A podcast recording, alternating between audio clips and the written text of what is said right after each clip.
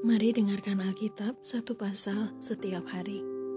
1 Korintus 6 Mencari keadilan pada orang-orang yang tidak beriman.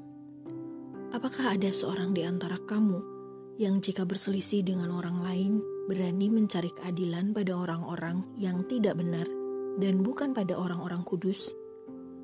Atau tidak tahukah kamu bahwa orang-orang kudus akan menghakimi dunia?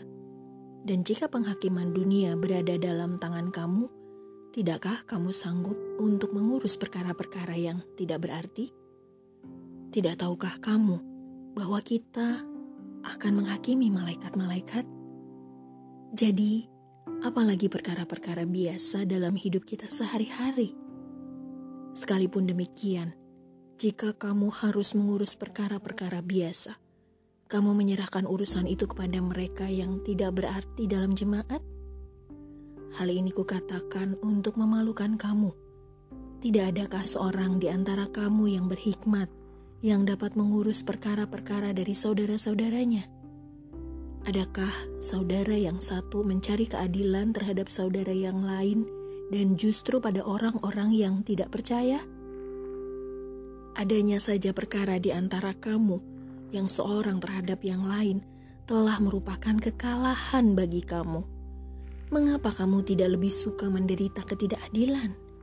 Mengapakah kamu tidak lebih suka dirugikan?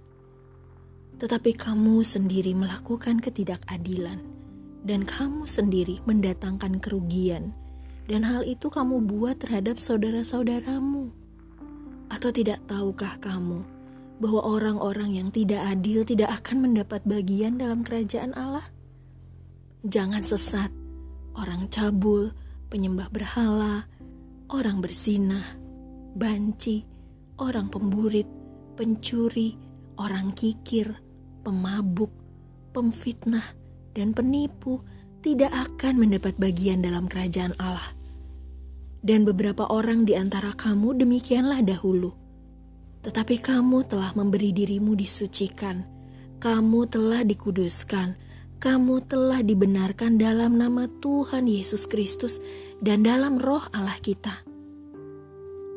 Nasihat terhadap percabulan. Segala sesuatu halal bagiku, tetapi bukan semuanya berguna. Segala sesuatu halal bagiku, tetapi aku tidak membiarkan diriku diperhamba oleh suatu apa pun Makanan adalah untuk perut dan perut untuk makanan. Tetapi kedua-duanya akan dibinasakan Allah. Tetapi tubuh bukanlah untuk percabulan, melainkan untuk Tuhan dan Tuhan untuk tubuh. Allah yang membangkitkan Tuhan akan membangkitkan kita juga oleh kuasanya. Tidak tahukah kamu bahwa tubuhmu adalah anggota Kristus? Akan kau ambilkah anggota Kristus untuk menyerahkannya kepada percabulan? Sekali-kali tidak. Atau tidak tahukah kamu bahwa siapa yang mengikatkan dirinya pada perempuan cabul menjadi satu tubuh dengan dia? Sebab demikianlah kata Nas, keduanya akan menjadi satu daging. Tetapi siapa yang mengikatkan dirinya pada Tuhan menjadi satu roh dengan dia jauhkanlah dirimu dari percabulan. Setiap dosa lain yang dilakukan manusia terjadi di luar dirinya, tetapi orang yang melakukan percabulan berdosa terhadap dirinya sendiri. Atau tidak tahukah kamu bahwa tubuhmu adalah bait Roh Kudus yang diam di dalam kamu, Roh Kudus yang kamu peroleh dari Allah, dan bahwa kamu bukan milik kamu sendiri? Sebab kamu telah dibeli dan harganya telah lunas dibayar. Karena itu, muliakanlah Allah dengan tubuhmu. Terima kasih sudah mendengarkan. Tuhan Yesus memberkati.